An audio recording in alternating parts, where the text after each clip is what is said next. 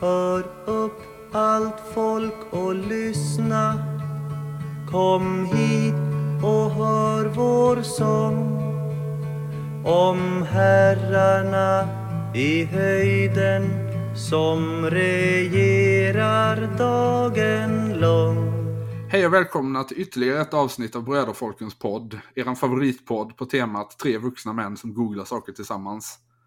Vi kommer som vanligt mer eller mindre direkt ifrån den hemliga poddbunkern djupt under Svinesunds vatten. Och eh, jag som pratar nu heter Max och med mig har jag som vanligt Grime Hallå. och Alvin. Hallå, hallå. Jag tänker jag vänder på ordningen ibland för att hålla er på era fötter. Ja, otroligt stressande det här. Ja. Eh, Man ska aldrig, man ska aldrig säga att podda är lätt. Nej, nej, det, det, Ah. jag, jag, skulle, jag, skulle, jag skulle säga att det är det svåraste jag gjort i mitt liv. Ja, jeg kom på en del ting som er vanskeligere enn å altså, prate skit i en time en gang i uken. Allting Till exempel jag, att all, inte göra det. allting som jag förpliktar mig att göra en gång i veckan blir ju sakta men säkert ett helvete. Hur roligt jag än har när jag gör det. Eh, Men det kanske, det kanske säger me- mer om mig än om aktiviteten.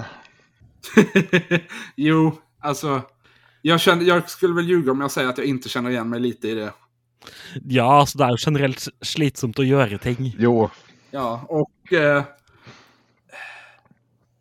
ja, men på det temat så kan man väl kanske nämna att eh, det här är det sista avsnittet på... Ja, förhoppningsvis åtminstone ett halvår som vi gör eh, under min arbetslöshet. Ja, eh, vi välkomnar Max in i, i eh, ja, en ny, ny form av eh, parasitera på samhällskroppen. Den form som jag och Grime redan, redan gör. Ja. Jag, lev, jag lever på, eh, på skattepengar på ett lite mer direkt sätt än vad jag gjort tidigare. Ja, nej men grattis. Får jag hoppas att jag tillför så lite värde som möjligt. Ehm, ja, men eh, trots, att, eh, trots att jag kommer att ha annat för mig framöver eh, så kommer nog saker dessvärre att fortsätta hända. Och den veckan som går har väl varit ett ganska hyfsat exempel på det. Trots allt. Ja, För vi har ju nu, ja, jag vet inte om man ska säga att vi har fått bevis på vad det är den nya regeringen vill göra. Egentligen var väl Tidöavtalet kanske ett mer renodlat exempel på det, men nu har de i alla fall lagt sin budget. Att, vad var det i tisdag som gjorde det kanske? ja det, jag, dagarna går ihop. Eh, det, det, det jag vet Mm. är att Jo. våra nya härskare är inte lika onda som jag trodde de skulle vara, men mycket mer, mycket, mycket mer korkade. Jag, jag, Alltså, det är ju intressant det här för att jag tycker det är spännande att se hur mycket verkligen alla hatar den här budgeten. Det är ingen som är nöjd. Det hade varit jättefascinerande Nej. veta vad PM, PM Nilsson skulle sagt om han liksom hade haft kvar sitt jobb. ja. Ehm. Jo, eh, det är ju... Alltså på ett sätt är det ju lite kul att se dem äta skit så här fort. Ja, Samtidigt, samtidigt är det ju liksom... Man, den, eh, den där glädjen betingas ju alltid lite av insikten att på grund av hur det svenska politiska systemet funkar så kommer de i princip oavsett vad de gör få fortsätta äta skit i fyra år. jo, men alltså, vad kan de göra som de, alltså, vad, vad kan de göra som kommer bli positivt? Eller jo, alltså jo, de kan väl. Jag, jag, jag gissar att om de bara, nej men nu, nu kör vi ut alla som vanligare. Det, kom, det, det, skulle nog gå helt okej i opinionsundersökningarna faktiskt. Men bortsett från det, vad kan de göra som regeringen vill göra som inte bara kommer men genom bajs? Bra fråga. Alltså, det är ju lite så. Alltså, det var ju ett, ett problem som förmodligen den gamla regeringen hade haft också om de hade suttit nu. Jo, nej, an, nej antagligen större. Då hade, de- då hade de först behövt, bråka i sju veckor inför varje liten intern grej. Liksom bara för att få äh, Martin Ådahl och Ali Esbati att sitta ner i samma rum. Jo, men typ. Eh, det ligger, alltså. Så Jag vi- vill inte säga att det, det- låg någonting i den där moderata valreklamen, men det låg väl mer i den än vad liksom det liberala kommentariatet trodde. Ja, Eh, och sen så, ja, jag, jag ska inte säga att jag är nöjd över att vi har majoritetsregering, men det är kul att se, se att vi har en regering som nu har liksom möjlighet att bara fatta snabba bara beslut.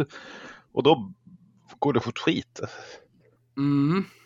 Det är, den budgeten som de la är ju liksom, som, som vi har konstaterat här, inte kanske den budgeten de hade velat lägga. Eh, de har till exempel inte fått igenom några större skattesänkningar. Jag tror den enda skatten de lyckades sänka var den på arbetande pensionärer. Ja, eh, och sen var det väl lite, de lite, ju faktiskt- lite på bensin, diesel. Ja, det, de pratar om några öre. Jo, nej, alltså verkligen några Priset öre. eventuellt kommer gå ner. För, förutsatt att inte inflationen fortsätter stiga. För då vet man ju inte vad som kommer Mm. Ja, hända. nej, men det, det, det ska man nog kunna undvika, inshallah. ja. Ehm, så att... eh, ja. En sak som jag kanske trots allt, jag vet inte, inte får ge dem, men som är lite småsympatiskt är ju att de la en ganska stor mängd pengar på att försöka rädda upp a-kassan. Jo, nej, men så det, eller liksom i alla fall. Jo, nej, men de, de behöll den på den mindre pissiga nivå den hamnade under pandemierna.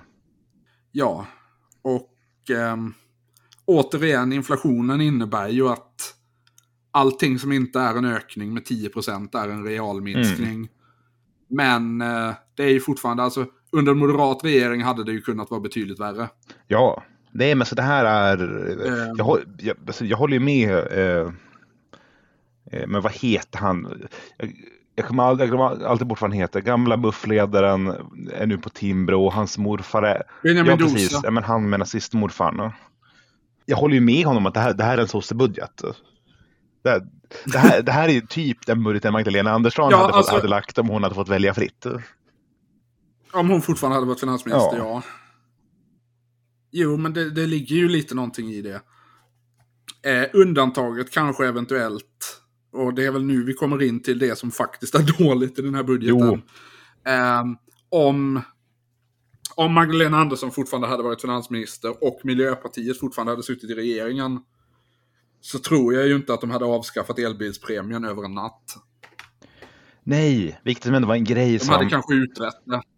liksom, och det, det är som en grej som majoriteten av nuvarande regeringsunderlaget, 100 procent av nuvarande regeringen gick till val på att behålla. Ja, Eh, så liksom det, det är väl det och att liksom vi bara fortsätter vårt nya kulturkrig mot tåg som koncept. Ja. Nu har jag faktiskt okaraktäristiskt nog inte läst in mig i någon större detalj på vad de, vad de för för transportpolitik i den här budgeten. Eh, vi, vi satsar 900 miljoner på, på, mer på vägunderhåll, men de pengarna tar vi från tåg, eh, järnvägsunderhållet. Ja, vad bra. Ja, men det är ju bra för att om det är någonting i Sverige som får inte bara tillräckligt utan kanske rent av för mycket pengar för tillfället så är det ju järnvägsunderhållet. Jo, alltså, om framförallt om det är någonting som fungerar bra så är det ju järnvägarna på grund av att de är så väl underhållna. Ja. Så det är bra. Eh, nej, men vi har vi. Det är väl det som jag. Alltså jag, jag, jag, nu absolut. Jag, jag, jag, jag, jag åker tåg mer än de, än de flesta. Jag kommer åka ännu mer tåg än med framtid. Men typ alla konkreta förslag regeringen har lagt än så länge har liksom varit specifikt inriktade, inriktade för att fucka mig. Eh, Ja. och, och, det är liksom, men straffa era fiender. Det visar sig att. Elisabeth Svantesson lyssnar på podden. Ja, nej men ta, tack Hon Elisabeth. hatlyssnar. Ja, jag, jag ber om ursäkt för att jag typ eh, bara för, förolämpade dig konstant tio minuter för några veckor sedan.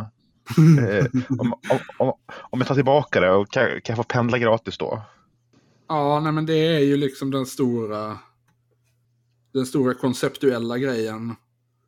Får man väl säga. Sen har de gjort lite grejer, typ som att öka, öka det generella statsbidraget till kommunerna. Eh, försöka satsa på att eh, öka antalet vårdplatser. Pengar till fritidsaktiviteter för barn i fattiga familjer. Eh, lovskola även för yngre elever. Alltså, som sagt, sossegrejer.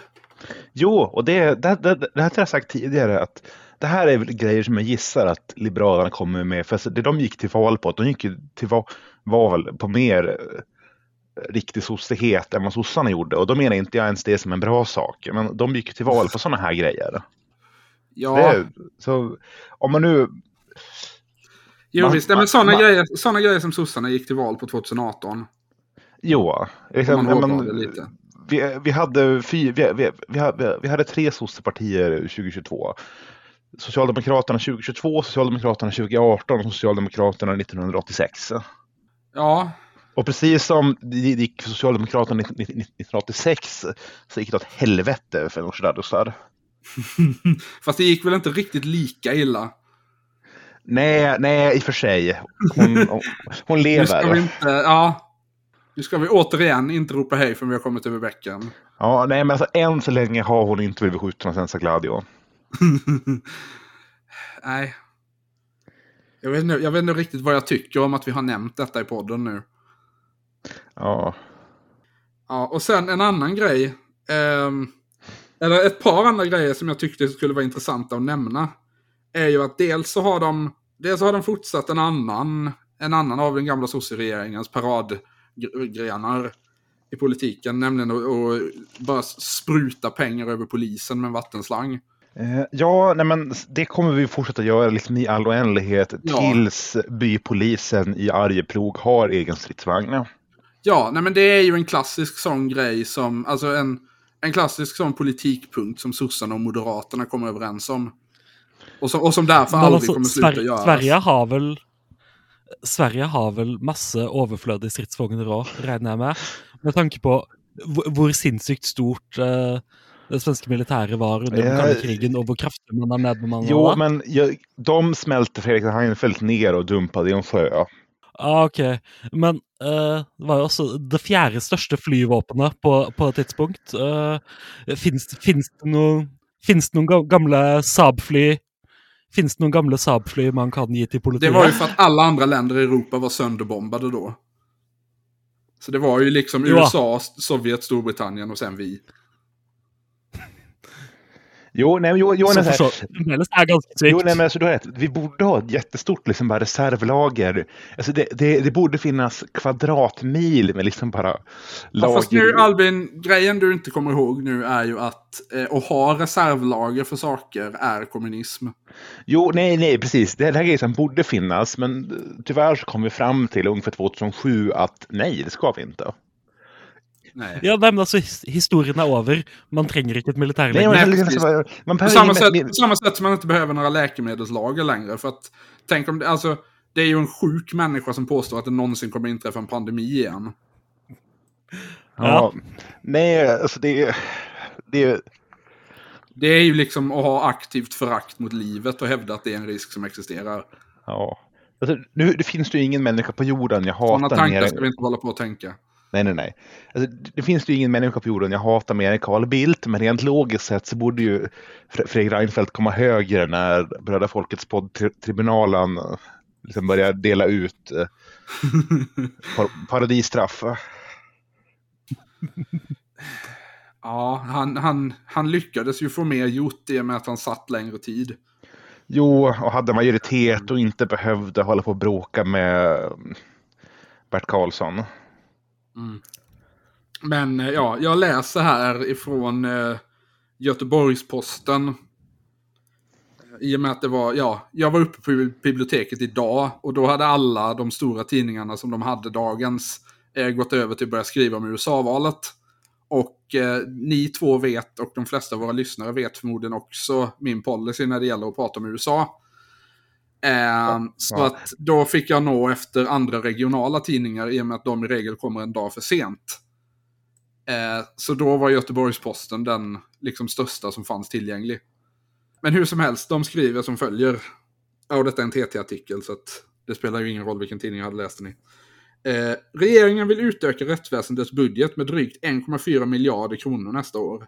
Lejonparten går till polisen följt av Säpo och Åklagarmyndigheten. Justitieminister Gunnar Strömmer, moderat, anvisade redan förra veckan, aviserade redan förra veckan regeringens satsningar inom rättsväsendet på 5 miljarder kronor fram till 2025. I budgetpropositionen tillförs 1,43 miljarder kronor under nästa år i vad regeringen kallar den största offensiven i svensk historia mot brottsligheten. Den största delen av kakan, 938 miljoner kronor, går till en fortsatt utbyggnad av Polismyndigheten med målet 10 000 fler polisanställda mellan 2016 och 2024. Lite kul att de räknar, eh, de räknar två år framåt och sex år bakåt. När de gör eh, perioden för... För det här var ju en sån grej som eh, den gamla sosseregeringen tyckte väldigt mycket om att stoltsera med. Var hur många fler poliser de hade hunnit anställa. Eh, Jo, men man, det, det... man får ju lite intrycket här av att eh, eh, Strömmer kanske vill ta åt sig äran för det. Ja. Eh, det, ja, men varför inte? Det är väl... Det, nu, är, nu, nu är jag inne och harvar i gamla spår och jag säger ingenting som folk som tycker som jag inte har sagt sedan 1917 konstant med lite, med lite gnällig röst. Men det är ju samma parti. Just nu, just nu så är det samma parti som bara råkar hata varandra. Jag har ju tillbringat större delen av mitt liv i politiken, om man kan kalla det det, med att eh, låtsas slash arbeta för att det inte ska vara så. Jo, nej, så, Eh, eh, men det gör, ju, det gör ju inte det mindre sant. Nej, sen så finns det en, en slående comeback till det här. Gråt mer då, jävla VPK. Då. Eh, Ja, skulle jag tycka att det här var, om, om, jag nu, om jag nu tycker det här är så jävla dåligt eh, och eh, ja, men, tydligen vill, ha, vill, vill svenskarna ha det så här. ja. Eh, så ja, nej men eh, då, nu har jag mobbat klart både dig, dig och mig. Då kan vi gå vidare. ja. Ehm, Säkerhetspolisen tillförs 166 miljoner kronor extra med hänvisning till det breddade hotet från främmande makt. Samt hotet från våldsbejakande extremism. Det är väl Albin då? Jo, ja, nej, men det, det, det, det är typ jag. Det, det, det, det är mig. Uh, alltså, ja, nu, det här, nu blir det här är möj- möjligen kontroversiell take. Jag köper mer pengar till polisen eh, så länge det används rätt och kanske används för att få fram en poliskår som är lite mindre pubertal. Jo visst, alltså det men- är ju... Jag har ju alltid liksom... Även om jag kö, absolut köper den kritik mot polisväsendet som liksom framförallt den amerikanska vänstern har fört fram de sista åren. Framförallt då mot det amerikanska polisväsendet som verkligen är liksom på gränsen till en fascistisk ockupationsmakt. Eh, så eh, har jag ju alltid ställt mig lite tveksam inför det här, eh, det här politiska målet att avskaffa polisen. Jo, det är så här, eh, den kritik jag har mot satsningen i Sverige är väl dels för att det uttalade målet från både regering och opposition, både nu och för tre månader sedan, verkar vara att nej, vi ska ha det mer som USA. Ja, ja, ja. Alltså det här är ju, den här, våra nuvarande regering i Sverige leds ju av en man som för typ, ja men om det kan vara fem år sedan, sa att han ville att armén skulle kunna gå in i förorterna. Jo, eh, men jo, det jag ville komma till här, nej, alltså mer pengar till Säpo, nej. Alltså det, det, Nej. det, det, är pengar, det är pengar vi, alltså vi, vi, de pengarna är bättre använda för att bränna upp eller typ skicka mjältbrand till undersköterskor. Ja, alltså. Den människa som tycker att Säpo är en bra organisation som behöver mer pengar är ju en människa som aldrig har stött på Säpo. Jag, är så här, jag har... Jag, Här, är ju, här är ju jag 1000% bakom införandet av IB. Ja, ja, ja. Nej, men så här, eh, jämförelse liksom. nej, men så jag, min första kontakt med Säpo var Jan Guillous böcker, Jan Guillou Namesake. Eh, och jag har, jag har behållit den åsikten som eh, han har där som Jag helt gjort det 100%, fram. Ja. som helt 100% legitim. Jag tänker fortsätta hålla, hålla, hålla mig på det. Eh, jo. Åklagarmyndigheten får ungefär lika mycket. Där handlar det regeringen främst om att kunna möta omfattningen av särskilt resurskrävande, grova och svårutredda brott samt beslutade och aviserade straffskärpningar. Kvarvarande 150 miljoner fördelas mellan övriga brottsbekämpande myndigheter. Ja, men nu, Eh. den, är, den är jag faktiskt helt för. Om inte jag har sett, sett det i praktiken när folk behöver vänta sju månader innan de ens får gå. Får Jo, komma, alltså komma, komma upp det är rätten. va? ju det är ju det här som... Eh, ja, men som, som diverse britter jag följer på Twitter gillar att påpeka att liksom amerikansk besparingspolitik handlar om att ta pengar från allting utom polisen och militären. Medan brittisk och åtminstone i det här fallet då också svensk besparingspolitik handlar om att eh, ta pengar även från polisen och militären. Jo, allting är ett specialintresse. Alltså det är Allt- ju... eh, tyvärr är ju liksom polisen och eh, eh, rättssystemet inbegripet i det här med att ingen offentlig verksamhet i Sverige har tillräckligt mycket resurser för att klara, av sitt arbete längre.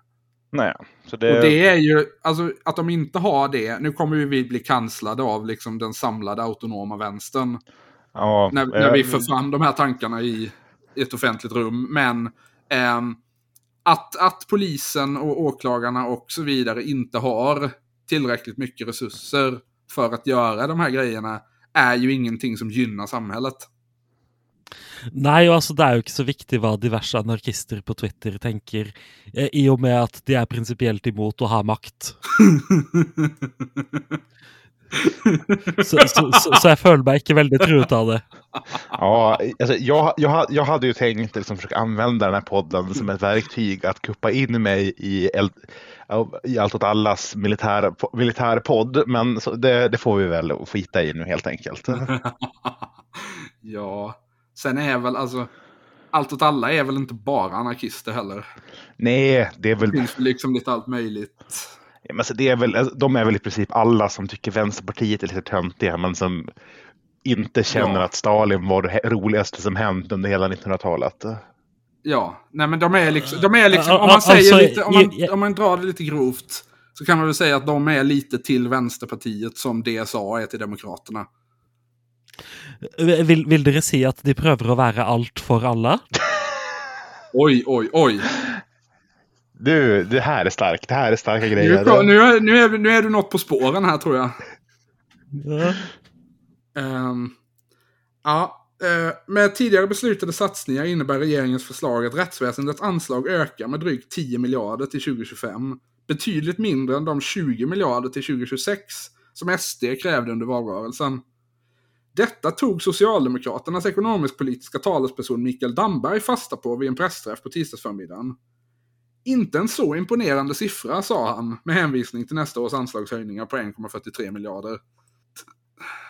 Ja, jag hänvisar till det Albin tidigare har sagt i det här avsnittet. Eh, att vi ska använda, använda den här podden för att eh, få kuppa in oss i eldrörelse. Eh, Okej? ja, exakt. det var precis det jag menade. Ja, Eh, sen har eh, GP sympatiskt nog också dragit in en liten ruta där de visar hur mycket anslagshöjningar alla de olika myndigheterna får. Eh, så jag tänker att vi kan gå igenom dem. Som sagt då, polisen 938 miljoner. Säpo 166 och Åklagarmyndigheten 168 miljoner. Ekobrottsmyndigheten 49 miljoner. Jag är förvånad över att eh, Moderaterna är så angelägna om att ekobrott ska bekämpas hårdare i Sverige. Ja, det känns som det där, det där kan slå hårt tillbaka. Ehm, Sveriges domstolar 36 miljoner. Kriminalvården. Kan ni gissa hur mycket de får? Eh, 40 Om vi utgår från att polisen fick 938 miljoner kronor och åklagarmyndigheten 168. Så att antagligen kommer det komma in en betydlig ökning i våra redan överfulla fängelsen. Eh, tre millioner i kutt? Har du en gissning Albin? eh, jag, känner, jag, jag försöker mest, jag, jag, blir, jag blir bara panikslagen. Jag, jag inser att allt annat de gjort har slagit mot mig, så det är klart de också kommer nu typ skär- i praktiken skära ner på en av potentiell framtida arbetsgivare. Jag säger plus 50 miljarder. Nej, miljoner. Eh, ja, eh, Grime var närmst. Kriminalvården får ett tillskott på 3,5 miljoner kronor. Ja, men nice, då kan de rösta upp kaffemaskinerna på frivårdens Ja, men precis. Det är alltså ungefär, ja men säg att det är kanske 6-7 firmabilar. Förmodligen färre om de vill gå över till eldrift inom en nära framtid. Ja, men det, det, det vill det, det, sån, sån skit ska vi inte hålla på med längre. I och för sig sant. Ehm, ja, och sen Brå 48 miljoner, vilket är bra tycker jag. Det är en myndighet som, som jag stödjer. Jo. Eh, Det är typ de enda som håller på med någon form av evidens i det här området. Um, Rättsmedicinalverket 7 miljoner, Brottsoffermyndigheten 9 miljoner. Ja, men, Så det är, bra att, det är bra att de prioriterar rätt. ja. Säpo får alltså i runda slängar, ja, vad blir det, nästan, ja, nästan 20 gånger så mycket som eh, Kriminalvården och Brottsoffermyndigheten får tillsammans. Ja, men alltså det, det är ju, det, alltså, du, du, du kan ju tänka dig vilka enorma mängder kurder vi, vi måste hitta och utvisa kommande fyra åren. Det är sant. Där har du en stark poäng. Eh, ska vi nämna lite snabbt, nu har vi ju vårt, eh, vårt moratorium mot NATO Watch är väl typ fortfarande i verkning, men jag tänker ändå att Ja, altså, jeg tenker at det har skjedd nok den siste uken til at vi kan, kan, kan nevne det Ja. Ja, men då kan vi säga så här. Eh, dag ett. Eh, vår nya älskade utrikesminister tar kraftigt avstånd från eh, styrande de olika partier. bokstavskombinationerna.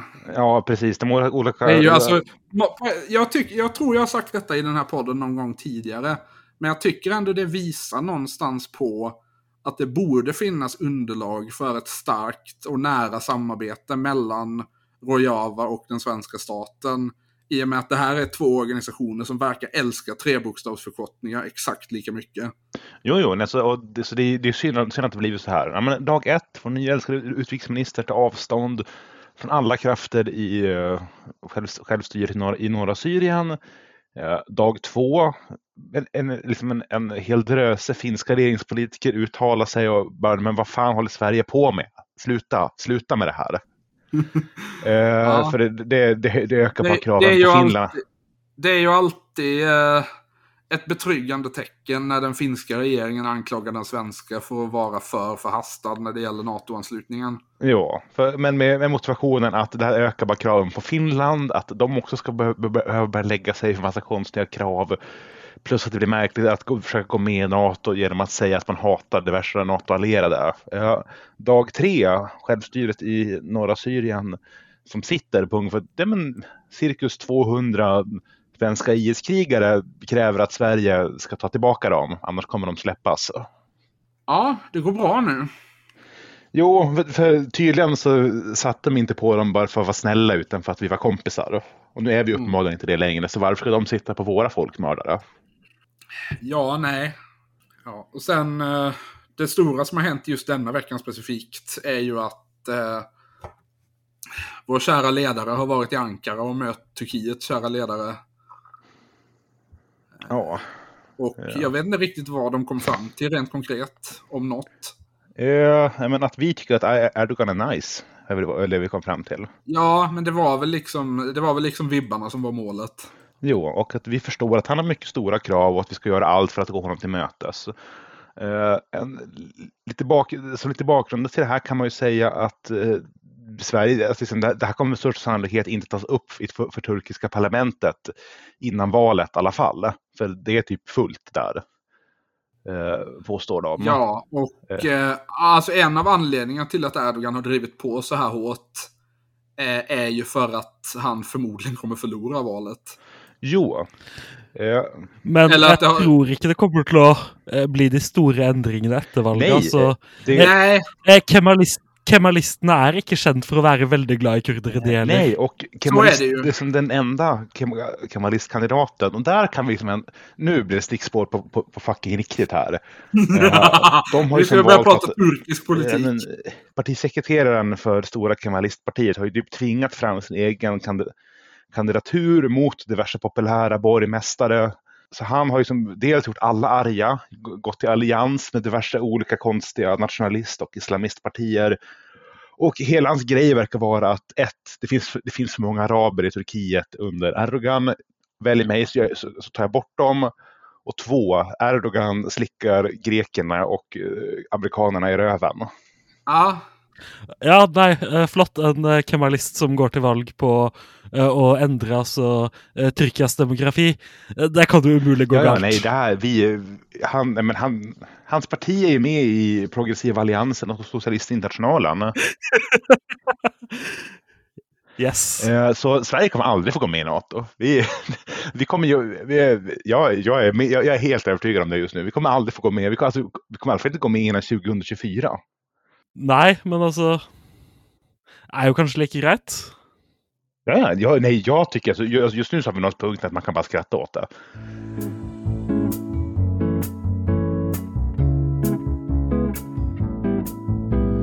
Those who stand accused and those who point the finger are closer than you want to believe.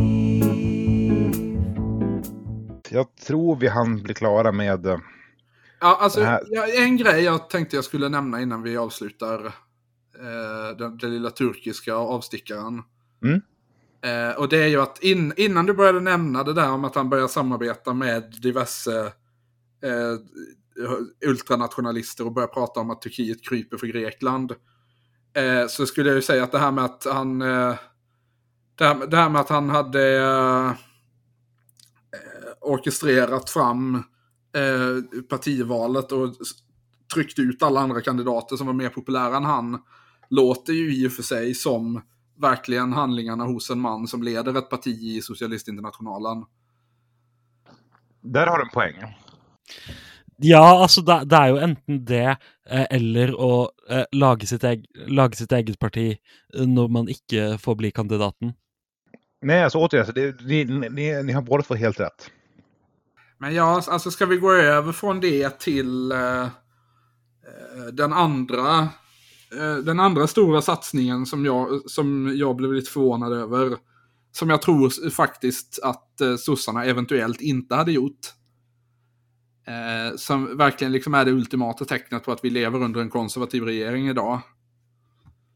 Eh, och det är ju det faktum att eh, en, ja, inte en jättestor del av reformutrymmet, men större än vad man kanske skulle kunna tro, eller skulle kunna hoppas på i och med att inflationen liksom närmar sig 10%-märket och vi förmodligen kommer att vara på väg in i en av de hårdaste lågkonjunkturerna på länge.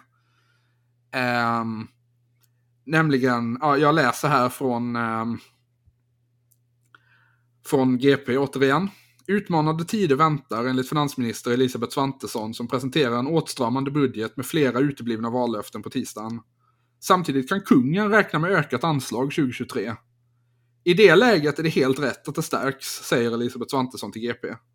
Eh, hvor mye? Eh, tuffa tider väntar enligt finansminister Elisabeth Svantesson vars första budget innehåller just drygt 40 miljarder i reformer, betydligt mindre omfattande än vad regeringspartierna tidigare hade lovat. En utgiftspost som dock föreslås växa 2023 är, är pengarna till Kungliga hovstaten, det vill säga anslaget till kungafamiljen och dess medlemmar. Enligt budgeten föreslås ett ökat anslag på 18,7 miljoner kronor under 2023 jämfört med 2022. Från 149,2 till 167,9 miljoner kronor. Ja, men Låt gubben festa för fan.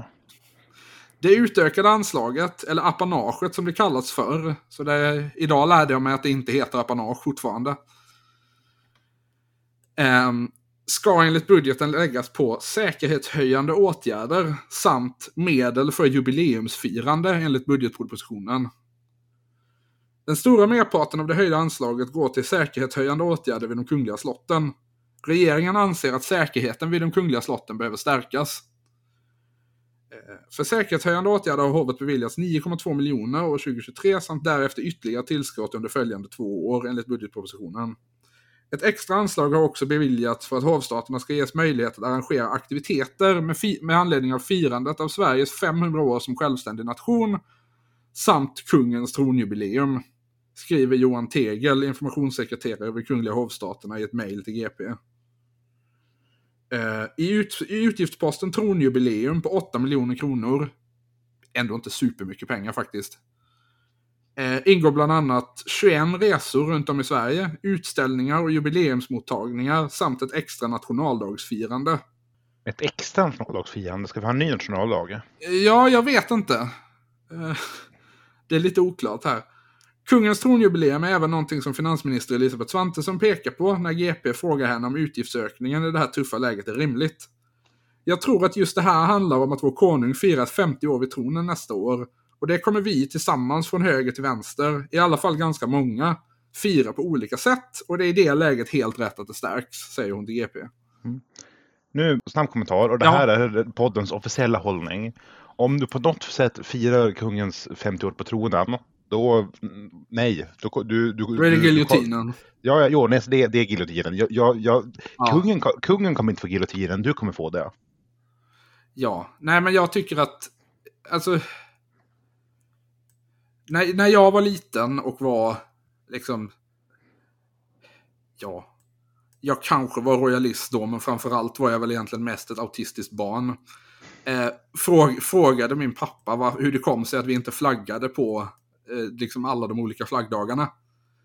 Eh, så gav han ett svar som jag så här i efterhand tycker är väldigt sympatiskt och fortsätter vilja leva efter. Eh, han sa nämligen att den dag kungen flaggar för min födelsedag kommer jag flagga för hans. Mycket rimligt. Ja. Mm. Eh, och det är väl lite den inställningen jag har till kungahuset idag. Ja, eh, personlig tenker jeg det er skammelig at man skal feire eh, separatisten og forræderen Gustav Vasas eh, eh, urimelige opprør eh, mot kong Kristian den gode. Christian Bondevän. Ja, nej, jag, jag, jag tar Jan Myrdals position här, det är att Gustav Vasa ledde en nationell frihetsrörelse. Eh,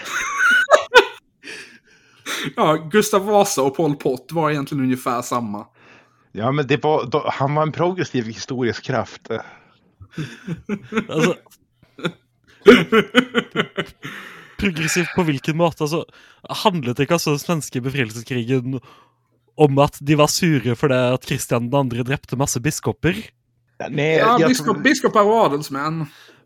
Ja, Jo, det, jo, det, det her høres Jo, jo men alltså det, det, kan, det, kan, det kan inte komma en utlänning och döda våra biskopar. Det är vårt jobb.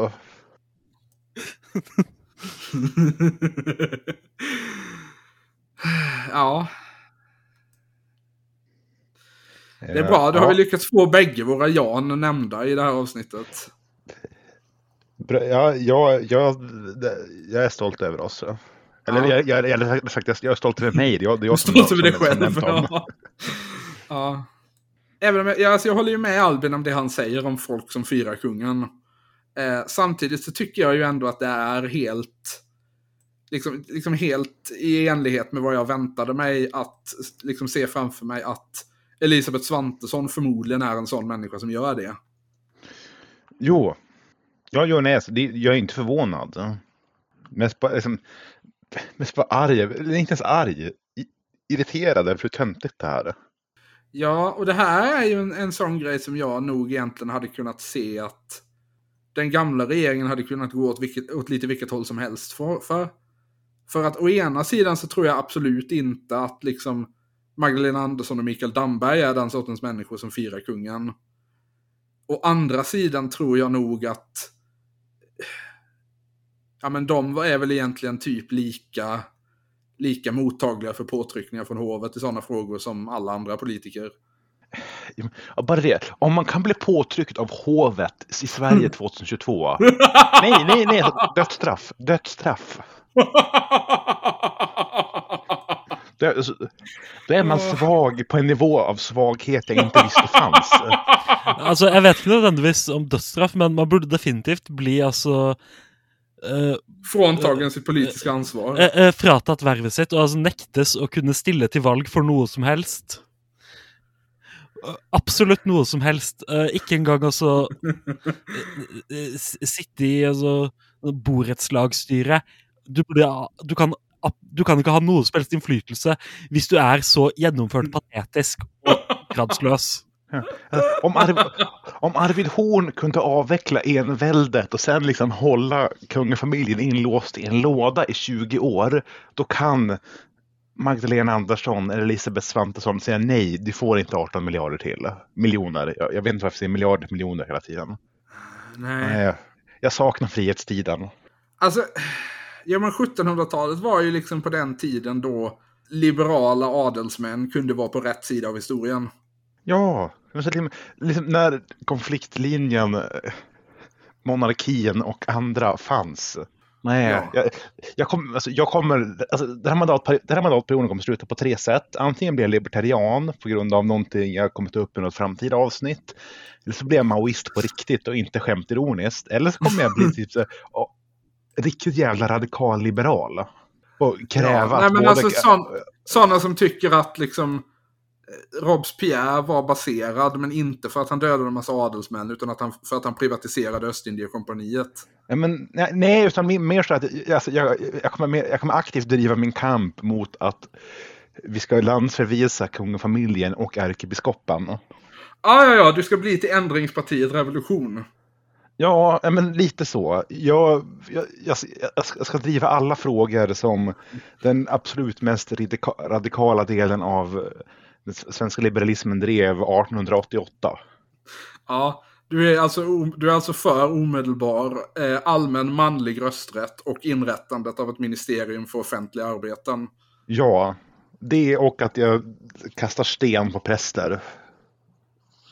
Ja, Ja, nej, det är många, må, många, många valmöjligheter. Vi får se var det här landar. ja Albin blir eh, från och med nästa år radikal förespråkare för dissenterparagraferna. Ja, alltså, eh, alternativ som liksom fransk, eh, seku, fransk sekulär, fast liksom, jag, jag, jag jag ska inte använda det som en ursäkt för att ge mig på muslimer, utan det är verkligen Svenska kyrkan som ska ha stryk. Ja. Ja, men det är ju bra att vi fostrar vårt klasshat på ett eller annat sätt. Ja, ty, alltså, mot, mot den feudala kla- klassen. Vi, vi, vi, vi bekämpar gamla klasskrig. Ja, alltså det, men det är ju liksom... Det var ju det här som, eh, som, som Lenin sa på 1890-talet. In, innan vi kan ha den socialistiska revolutionen behöver vi ha den borgerliga revolutionen. Ja, och den borgerliga revolutionen kan man inte lita på att borgarna ska genomföra. Det behöver vi sossar för att genomföra. Ja, det var väl eh, en, en, en, en, av, en av det moderna samhällets motsägningar som... Ja, Lenin kanske förutsåg det, men inte Marx i alla fall. Ja, ja. Nej, Vi, precis som Magdalena Andersson driver vi en, en, en Lenin-linje här. Då. mm. Ja. Men ska vi gå över eh, snabbt och hastigt från eh, den svenska högerregeringen till den norska vänsteroppositionen? Uh, ja. Uh, Audun Lysbakken har eh, sagt att han inte ställer till genvalg som leder för SV på SVs landsmöte nästa år. Uh, som betyder att uh, uh, SV ska välja en ny ledare. Så långt er alle kandidatene det spekuleres i, eh, fra enten Finnmark eller ja, Troms. bra. Rätt. Jag Korrekt. hoppas ju också att eh, de fortsätter att välja liksom yt ytterligare en yt ytterligare en ledare som har ett så, ett så oerhört norskt namn eh, som Audun Lysbacken. Jo, vi, da kan vi jo starte med å lese opp navnene eh, på de tre menneskene som har blitt diskutert så langt. Ja, Eh, man har eh, de to nestlederne, Kirsti Bergstø og Torgeir Knag Fylkesnes. ja men det är bra. Vad, vad hette han sista? Torgeir Knag Fylkesnes. Perfekt. Inga kommentarer. Det, här- det här är mannen vi måste ha. Ytterst starkt. Eh, ja, eh, Torgeir Knag Fylkesnäs. Eh, den, siste, ka- eh, den siste kandidaten er eh, Kari Elisabeth Kaski, eh, som er finanspolitisk eh, talsperson og eh, valgt inn fra Oslo, eh, opprinnelig fra eh, Finnmark.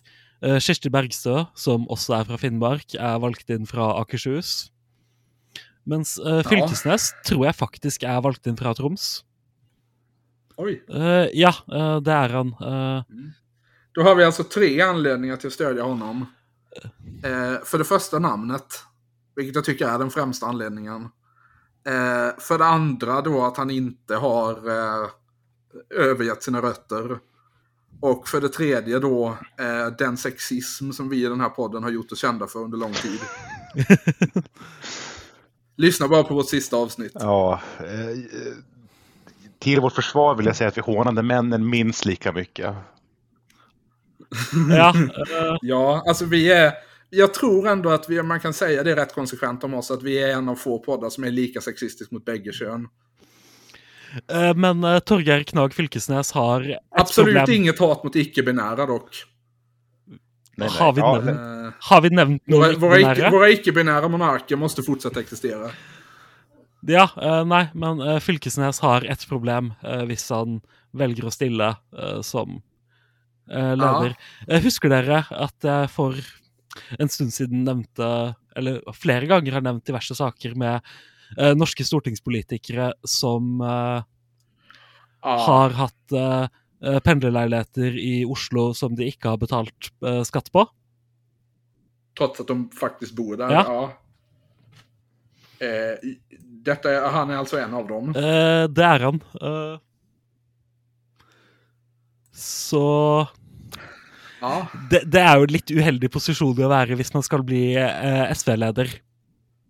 Jo, jag Ja. tänker att positionen SV är i nu, och nu får du rätta mig för du vet saker och jag vet ingenting.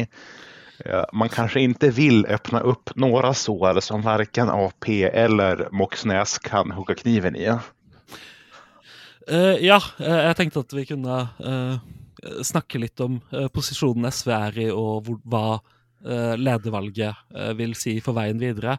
Men at vi da kanskje burde gå, gå Ja, litt altså, gjennom er Gå jo- litt gjennom altså, Audun Lysbakkens tid som eh, leder, for det at eh, Ja, men det tycker jag låter bra. För att när vi diskuterar SVs Mm. historia i den här podden så diskuterar ju vi, liksom som vi plägar göra, mest 60 och 70-talet. Eh, ja. Audun Lysbakken eh, ble leder i SV i På, på landsmøtet i 2012. Eh, han ble valgt uten motkandidat. eh, fordi de to andre kandidatene hadde trukket seg før eh, landsmøtet. Det vill säga så som det alltid fungerar i alla svenska partier. Eh, ja. eh, mer uvanlig i SV enn i mange partier. Eh, man har altså Partiet har en viss tradisjon for å Och ha intern debatt. For, for å ha ganske kraftige interndebatter uh, som altså Vi kan alltså konstatera att eh, norska SV är en mindre leninistisk organisation än de svenska sossarna. eh, Jo, men Och mistenker förmodligen de det, norska också. ja, jeg mistenker at det i stor grad er en reaksjon på at eh, grunnleggerne av SV er folk som ble kastet ut av Arbeiderpartiet for å være mot Nato, og folk som ble kastet ut av NKP for å være mot Warszawapakten. Sant. Eh, Så det, det, det partiet ble grunnlagt av folk som eh, ikke hadde så veldig mange grunner til å sette pris på den demokratiske sentralismen. Just det. Eh, ja, nei, men eh, i altså den va interne valgkampen som foregikk fram til kandidatene trakk seg, så ble eh, Lysbakken sett på som eh, på en måte venstresidealternativet, uh, mens Bård Vegar Solhjell da representerte høyresiden som hadde ledet SV eh, siden 90-tallet, egentlig. Ja, ytterligare ett otroligt starkt namn. Ja, eh, Jag tycker, jag tycker fler borde heta Bård.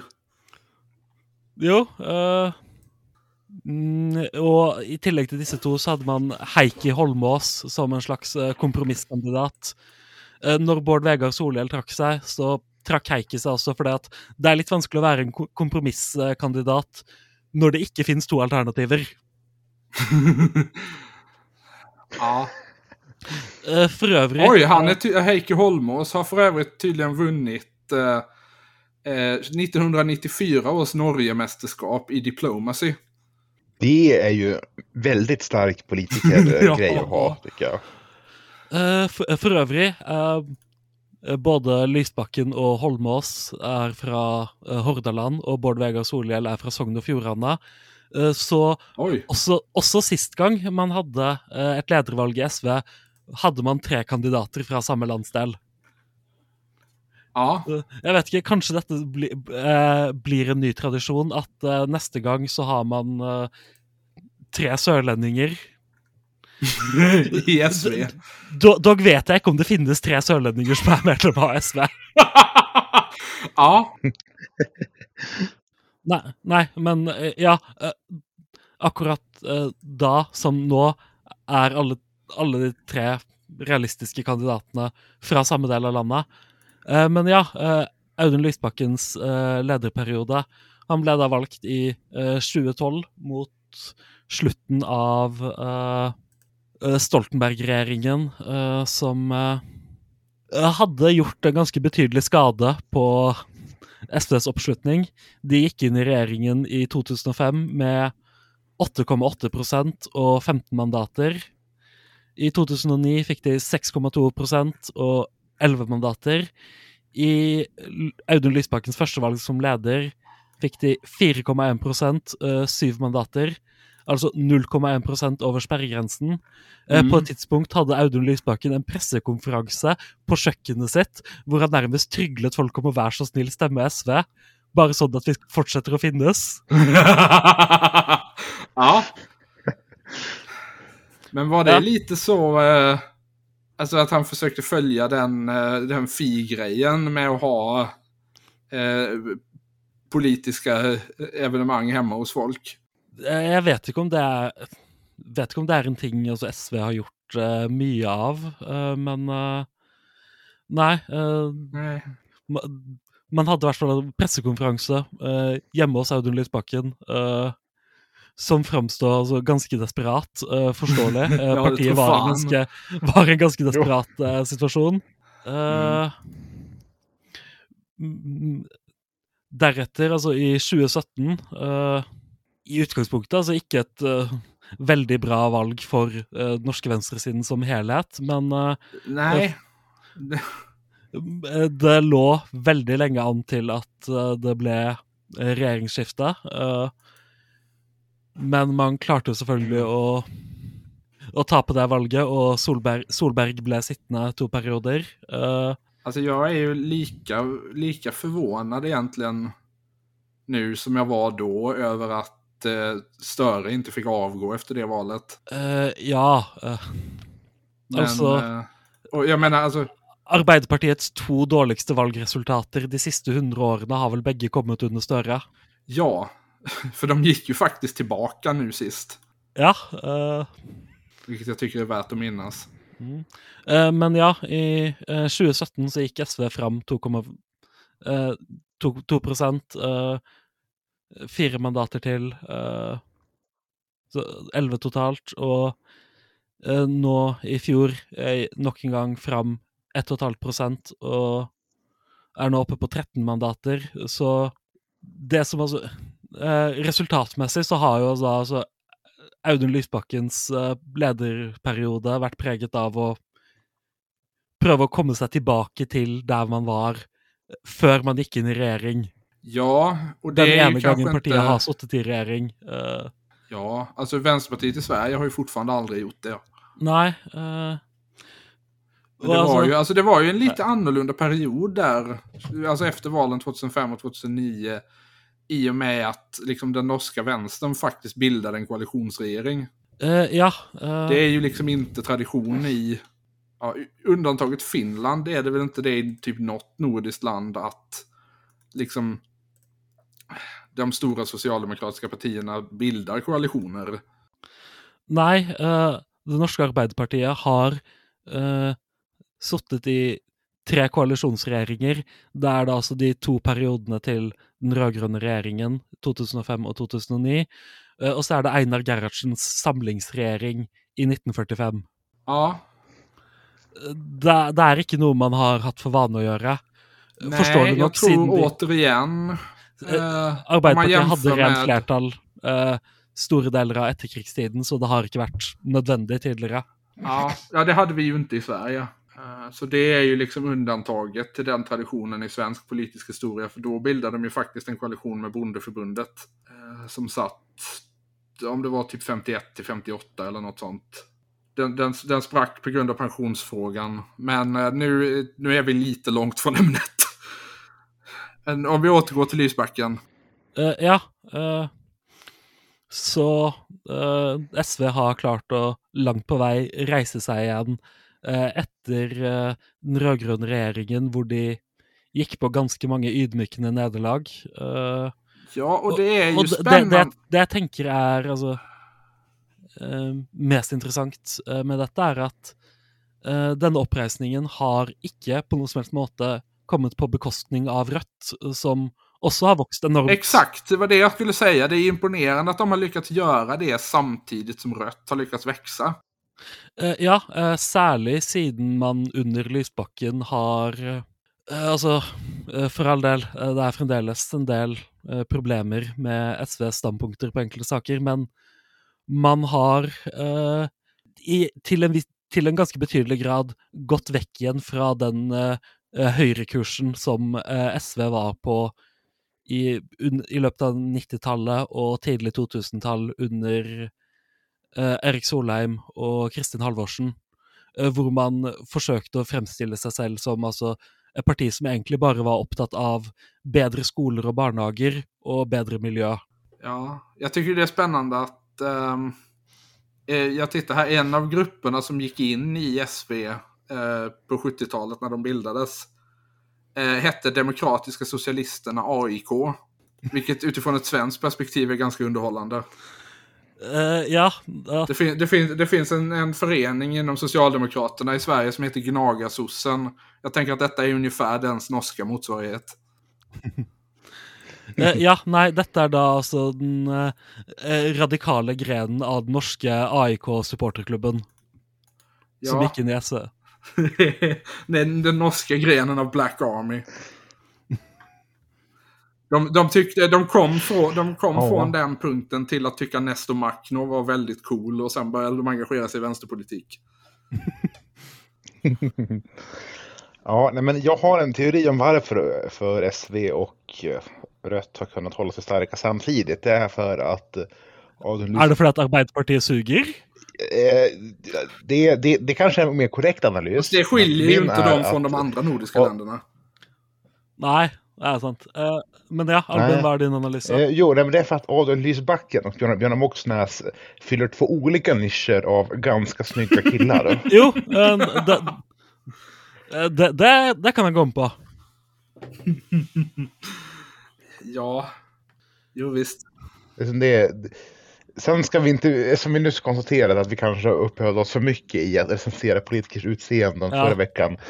Ska, jag- ska, ska jag inte gå längre in än så, men det, det, det är det jag har, jag har att utgå ifrån. Antingen det eller eh, typ positionen på vindkraft, men det är tråkigare. Ja, men, men kan, vi kan jo også nevne eh, en annen eh, positiv ting eh, med eh, Lysbakkens periode som SV-leder. Uh, utrenskningen av høyrefløyen.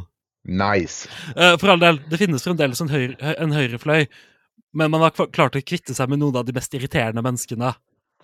Eh, som tidligere partileder Erik Solheim, som nå er lobbyist for Kina eller et eller annet.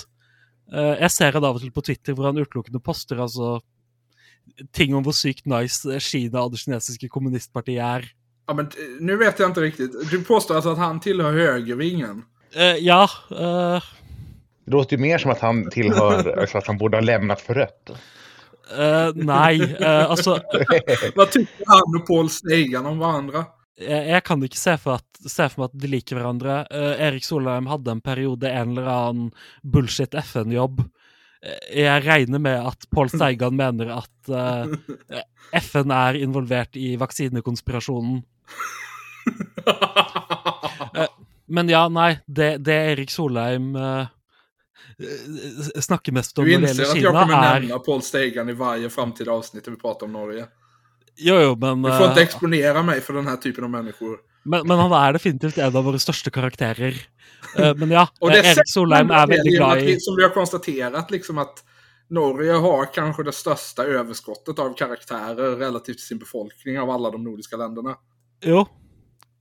Eh, men ja, eh, Erik Solheim eh, var leder eh, under 90-tallet, var personen som altså, var, var i stor grad ansvarlig for altså, forsøket på å bli et rent miljøparti.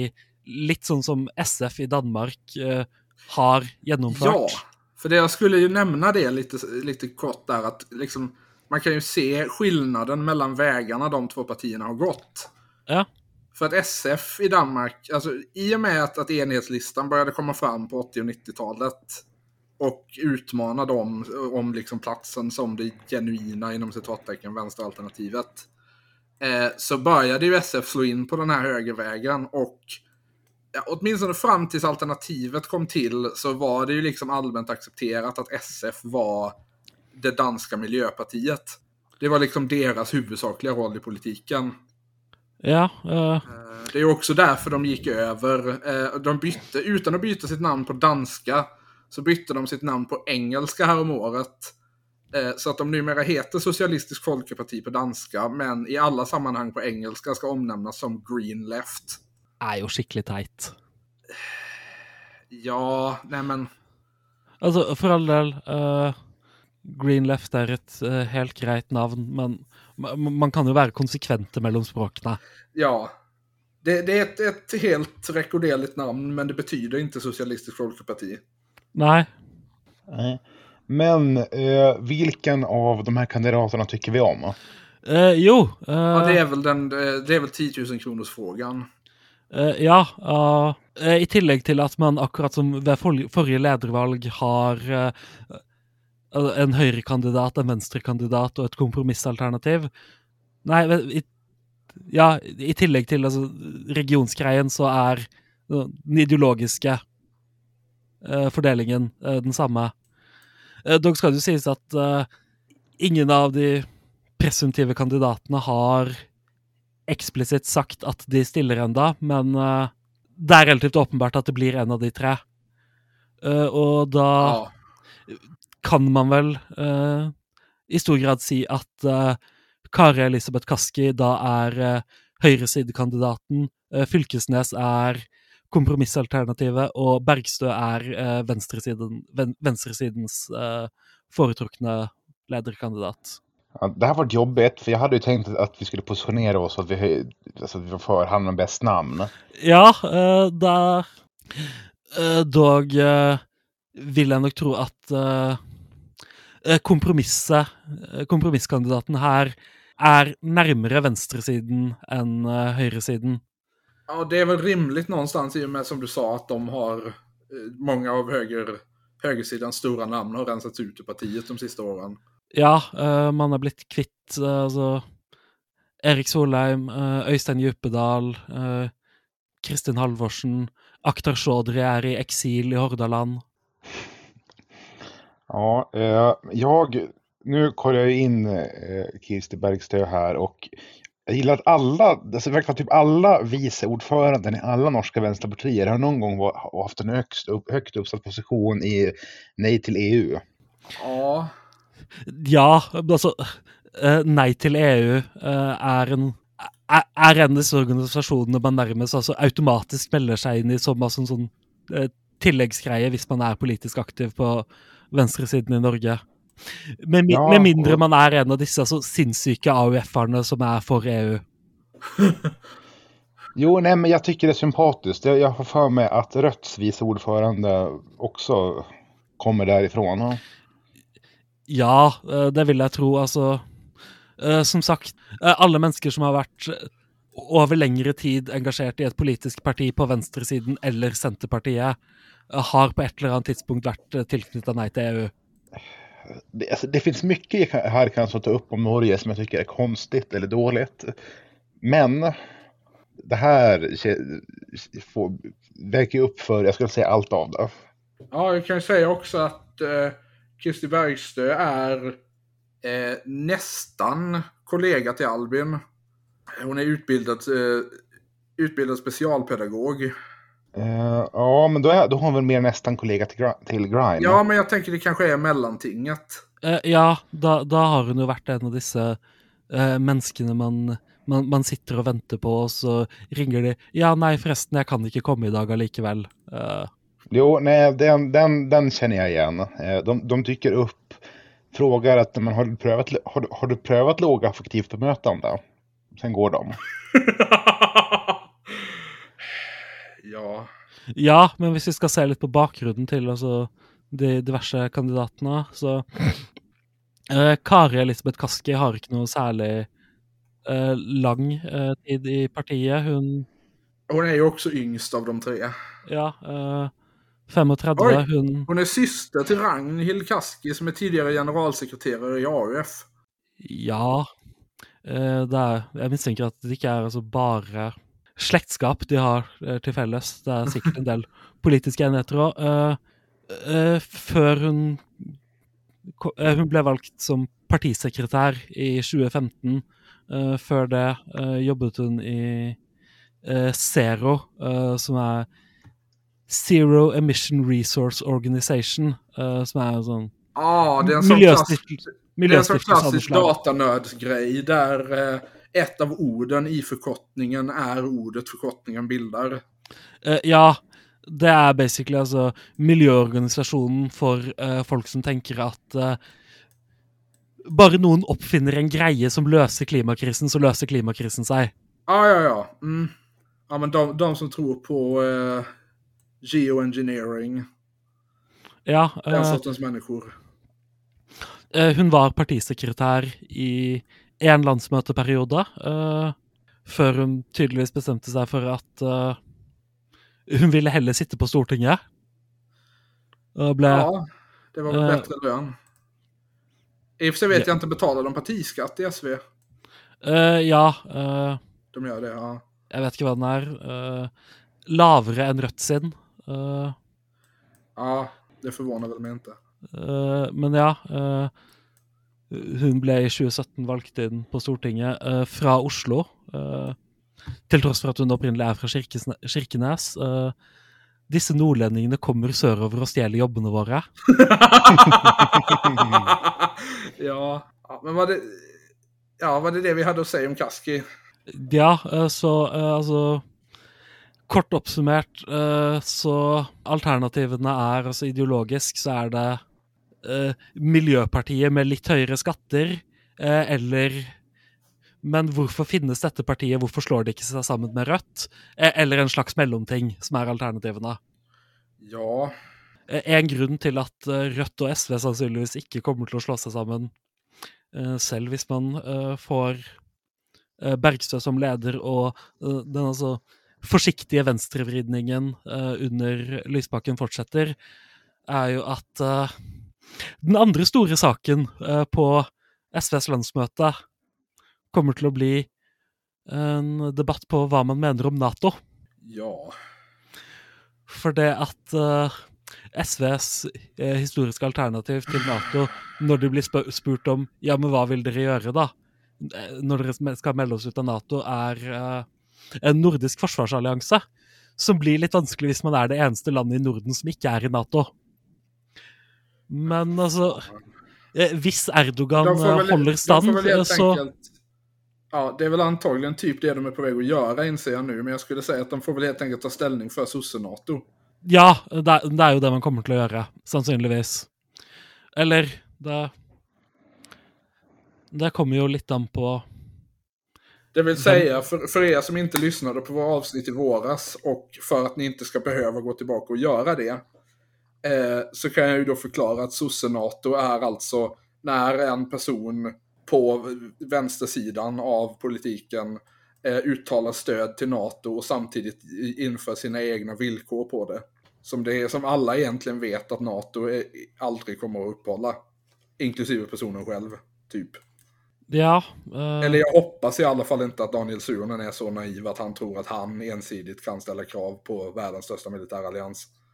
Sen i och för sig om det är någon i svensk politik som skulle kunna tro sånt så... Ja. Sen så, då, i sådana fall har ju SV betydligt större möjligheter att kunna ställa krav. För jag tänker flera högst uppsatta där känner ju säkert någon som generalsekreterare personligen. Ja. Ja, eh, ja. det eh, ligger någonting i det. De satt ju trots allt i regering med honom. eh, ja. eh, dog vet jeg ikke hvor mange av altså, ministerne fra den rød-grønne regjeringen som er igjen. Jeg tror vel kanskje altså Audun Lysbakken er eh, last man standing i SV-ledelsen der. Flere av altså, SVs eh, statsråder i den regjeringen var jo de tidligere Den tidligere nevnte altså høyresiden som har forsvunnet litt. Ja, eh, finns det, men de här kandidaterna, har de profilerat sig någonting på, i, NATO? Nei, eh, det har de vel ikke. Det mener jeg husker jeg har sett en sak i Klassekampen om at uh, Torgeir Knag Fylkesnes har ledet programkomiteen som eh, har foreslått eh, å stryke setningen om motstand mot Nato-medlemskap. Så Okej, ja, nej men bort med honom, bort. Ja. Vi, det här är en... Eh, Vi har gjort en 180 Ja. graders vändning på området Torgeir Knag Fylkesnäs sen den här podden började. Ja, ja, nej, alltså det här, vi är 110% bakom Kir, Kirsti Bergstø nu. ja, det, det Ja. den off vår offisielle linje. eh, og vi regner med at eh, alle lyttere som på et eller annet vis ender opp som delegater på SVs landsmøte, følger det. Ja, jo men eh, vi kör på, vår officiella linje är då nu eh, s- solidaritet inom kommunalbyråkratin. Yes, Ja. eh, kritiskt stöd, eller okritiskt beroende på, på hur man ser det, eh, till, till Bergstø. Eh, sen, sen, sen personalunion mellan Rött och SV. Eh, ja, eh, da, da vil man jo først måtte diskutere diverse utrolig relevante ideologiske konflikter fra 70-tallet. Eh, ka, ka, kan man slå, sammen, slå seg sammen med et parti eh, som hadde feil standpunkt om jeg vet ikke, altså Albanien. Om Albania eller, eller Røde Khmer? Ja, men jag tänker att det blir det är, det är egentligen jätteenkelt. Man har två partier som, som båda två tyckte att ja, men helst så kommer tredje världskriget, tänker vi slåss mot amerikanerna och ryssarna samtidigt. Jo, eh, det jo for så sant. Eh, Eh, ska nämnas också att även om hon sitter som representant för Akershus nu eh, så satt hon tidigare mellan 2013 och 2017 som representant för Finnmark. eh, ja, dette er jo altså et eh, ganske klassisk eksempel Trots att på det är hon som är från längst söderut av de tre kandidaterna. Hon är från Rana. Er hun ikke opprinnelig finnmarking? Jøss. Tydligen inte enligt Wikipedia. Eh, Hon är född i Rana men uppväxt i eh, Nässelby som Ja. ligger nästan exakt, men alltså det, de har gräns till, nej det var Finland, inte Ryssland. Okej, in- inte lika coolt. Ja, men det ligger precis väster om Kirkenäs. Eller ja, det är väl säkert typ 15 mil, men på kartan ser det ut att vara precis väster om. Eh, ja, men altså, eh, 15 mil er eh, rett ved siden av i Finnmark. Ja. Så är det. Eh, men det er ikke sikkert at eh, det eh, landsmøtet som skal avgjøre. Eh, jeg ser nå en eh, sak eh, på eh, tv2.no om at eh, lederne i Oslo SV eh, sier at partiet burde vurdere eh, eh, uravstemning om ledervalget. Oj. Eh, dette med altså Medlemsavstemninger er noe man har drevet litt med i SV, mer og mer etter hvert. Mm. Troms SV hadde en eh, Hadde når Lysbakken ble valgt, en avstemning om å om hva deres delegater på landsmøtet skulle stemme. Då när han var den enda kandidaten. Fø- det var før eh, Heikki Holmås uh, trakk seg. okej. ja. Eh, så, men Lysbakken vant den avstemningen. Eh, Vestfold SV hadde en eh, avstemning om eh, førsteplassen på stortingslisten deres til eh, 2017.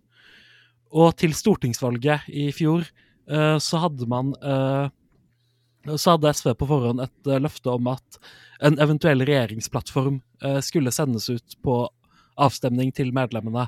Det ble det jo ikke noe av, siden Senterpartiet og Arbeiderpartiet sa fuck off i de forhandlingene. Men, Delvis, delvis på grunn av avstemningsklausulen, er det mange som mistenker. ja, man kan ju tänka sig det. Eh, dessvärre. ja, eh, det her er altså Det er en ting som det virker som blir vanligere, vanligere i SV. Eh, som sagt, altså Det er et parti som har en viss altså Det er en vi- viss organisasjonskultur for å motsette seg demokratisk sentralisme og vedtak eh, fra ledelsen som blir tredd ned over hodet på medlemmene. For det Det har ikke gått så bra for mange av medlemmene tidligere. Nej, Så det kan jo bli spennende å se hva som skjer hvis, Jo, hvis det blir en avstemning. Eh, eh, SV har, i tillegg til å få mye, masse nye velgere, også fått ganske mange nye medlemmer eh, i løpet av eh, Lysbakken-årene. Så ja. Som kanskje ikke ser på det som et like stort altså, svakhetstrekk at Kaski har ganske kort tid i organisasjonen som det landsmøtedelegater kanskje ville gjort. Sant. Så skulle det absolut kunna vara. Eh, ellers så kommer jeg selvsagt nå til å stemme Høyre ved neste stortingsvalg, siden ingen andre partier har en partileder fra Bergen. ja, men ja, vi får se om eh, folkreaktionen Nej till bompeng bestämmer sig för att eh, ta sig upp till den nivån. Eh, ja, jeg skulle til å si at jeg kan vurdere å stemme rødt dersom de bytter ut eh, Bjørnar Moxnes med Sofie Marhaug, men så kom jeg på at Sofie Marhaug tar feil om Bybanen. Jaha, vill hon ha tunnel? Eh, ja, eh, Rødt vil jo, som vi tidligere har diskutert, ha tunnel. Hur kommer det sig? Är det för att de tycker det är coolare helt enkelt? Eller? Det er fordi at de vil gjøre Bryggen til en ren gågate, og tenker at eh, et bybanespor er en ganske permanent hindring for det. Det er lettere å få flertall for å kvitte seg med en bilvei. Ja, alltså det är Men ju å når andra man, sidan... når, man ser, når man ser på hvordan de siste ti årene med forsøk på å kvitte seg med den bilveien har gått, så vet jeg ikke om jeg er helt enig i den analysen. Nej, alltså generellt sett så är väl tvärtom ett, ett spårvägsbygge en ganska bra en ganska bra grund för att få bort biltrafiken från en väg. Det har ju gått ganska bra med till exempel Laurentiegatan i Lund. Eh, jo, man vil få vekk biltrafikken, men da har man fremdeles en, en sporvei der. De vil Det är ha en, sant. en, en ren gågate.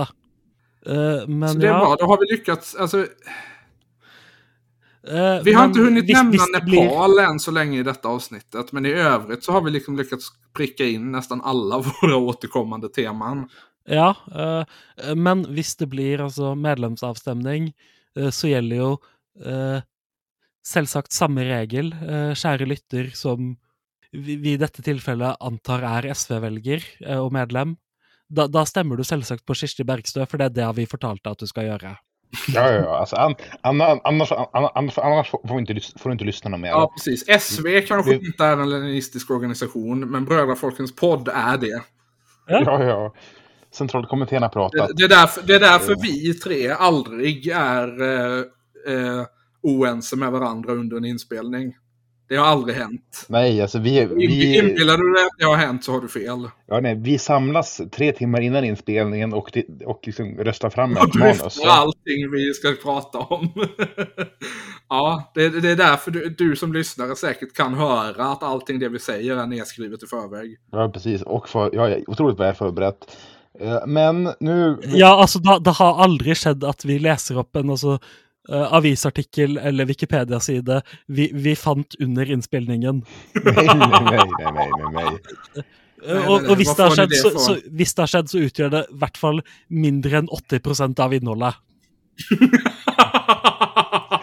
Har, har aldrig Ja, men det är bra. Alltså vi, vi må eh, praktisera demokratisk centralism i en, en eller annan grad. Men eh, utifrån det ni har hört här så råder det ju i alla fall inget tvivel om att vi som organisation är djupt förankrade i den gamla socialistiska självkritikstraditionen.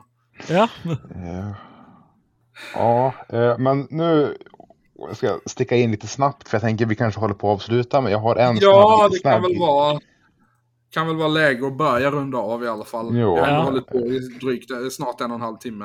Ja, men jag har en snabb. Jag, jag vill att ni kollar i vår chatt nu och kollar på, på de jävla procentförändringarna. Hva er dette? Er det valg eller meningsmåling eller Eh, nej, det här är, det här, nu, nu, är vi, nu är vi, det här är deep shit. Eh, det här är eh, regionvalet i Norrbotten, fast bara i Kiruna kommun. Ja, Det, det, det, finns, det, det finns två partier som inte eh, antingen dubblar sina, sina väljare eller tappar två tredjedelar av dem. Ja. ehm. ja, alltså av de partier som kom in så är det ju ett. Ja. Det, det, det, det, Men det, det är, ju å andra sidan, det är ju andra sidan så det blir lite när ett parti går ner från nästan 70% till 20%. Att alla andra kommer att få tillbaka röster. ja. Men jag, jag, jag, jag, jag, hittar Utom helt... Centerpartiet tydligen då. Nej, precis. Som står plus minus noll. Det är nästan det roligaste i det här, tycker jag. Eh, det Det är vi, klart att det gick ju inte där superbra bra för dem i Kiruna heller den här gången. eh, nej, men nu, det här är ju otroligt bra content för, för ett eh, medium som bara har, har, har ljud. Men det vi ser Men- här alltså en... Vi, vi, vi, kan lägga med grafen i beskrivelsen säkert. Ja, det kan vi Ja, om inte annat så lägger vi väl upp den på Twitter. Ja. Ja. Eh, men ja, nej men eh, det, det, alltså det, det är så här det ser ut när en diktatur kollapsar. ja, precis. Detta är alltså Norrbottens motsvarighet till Battpartiet. Jo. Så nu, och, nu har, har de fri, fri, fria val för första gången. Så då får något anna, annat parti vinna. Ja, och då väljer vi det för Norrbotten som nyskapande alternativet Socialdemokraterna. Ja. Ja, jo, nej, alltså det, det som egentligen hänt här är att nu har vi, har vi har prövat demokrati i fyra år, insett att det, att det inte var kul att gå tillbaka till det gamla, gamla diktaturpartiet. Ja, lite så va. Eh, ja, nej, men då har, nu har vi avslutat med det här otroligt starka, starka contentet, så jag har inget mer. Nej, Ja, altså jeg hadde egentlig tenkt å snakke om uh, barnehagestreiken i Norge, men det kan vi ta neste uke, når den sannsynligvis er avsluttet. ja, när den, eh, när, när den tvingade lönenämnden har blivit inkallad. Eh, ja, eh, det Det er nok det som skjer denne gangen òg. som vi har konstatert tidligere, uh, streikeretten finnes fremdeles i beste velgående i Norge. Det, du har bare ikke noe grunn til å tro at streiken får resultater. Ja, Fordi regjeringen kan vedta at nei, det gjør den ikke. det har ju varit lärarstrejker i Kanada nu de sista dagarna och en sak jag har lärt mig av det är ju att eh, i Kanada är det tydligen fullt möjligt för ett provinsparlament att bara gå in och lagstifta att nu ska du till jobbet din jävel. Hva er konsekvensene hvis man ikke gjør det? Eh, oklart. Eh, det, det var väl typ 1000 dollar idag per dag i böter. Ja. Soft. Det, det er jo ganske sykt. Ja, det... Detta är alltså ett land som liksom amerikanska liberaler eller mitten-vänsterpersoner brukar citera som liksom den perfekta modellen för hur det amerikanska samhället borde se ut. Ja, nei, og altså da, da kan man jo trøste seg med at man i det minste ikke bor i Canada u- eller USA, og at ting kan være veldig mye bedre enn det, og allikevel ganske elendig. Ja, det är väl lite ett återkommande tema i den här podden, tänker jag. Även om vi för all del inte pratar om USA speciellt ofta. Nei, eh, Ja, men ska vi... Eh, här räknar vi med att det blir ett avsnitt. Jag hoppas det, annars så vet inte jag vad ett avsnitt är längre. Har vi kastat en podd? ja, Då, eh, Nej, dra åt helvete. Då, eh, då säger vi eh, farväl för denna veckan. Du som lyssnar har lyssnat på Bröd och Folkens podd. Ehm, vill du följa oss på Twitter så kan du göra det, att Broderfolkens. Eh, vi finns också där, eh, länkade på den Twitter-sidan till våra individuella konton. Eh, och i övrigt, eh, lyssnar du på den här podden så utgår jag från att du vet var den här podden finns att få tag på.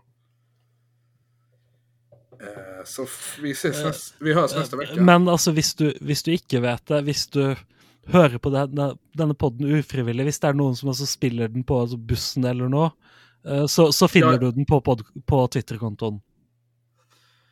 Ja. Precis. Eller om din, eh, din partner tvingar dig att lyssna. Eh, I så fall så vill, vi all, så vill vi först och främst börja med att be om ursäkt för det du precis har hört. Nei, det, det, det, vi, vi- vi ber ikke om unnskyldning. Sen vill vi också rådgiva dig att ge dig ur det förhållandet. För en människa som tvingar andra att lyssna på poddar med dem är sinnessjuk. Det, det, det jeg helt enig. Ehm, men ja, vi, vi hörs och ses, eller vi, vi hörs nästa vecka. Om du ser oss, sluta med det. Gå härifrån. Om, om, om du ser oss så kanske du eventuellt ska se över dina medicinrecept. Men ja, farväl. Ha det bra. Ha det. Ten years have passed since people lived in fear and dread. When hope and independence died and dark aggression spread.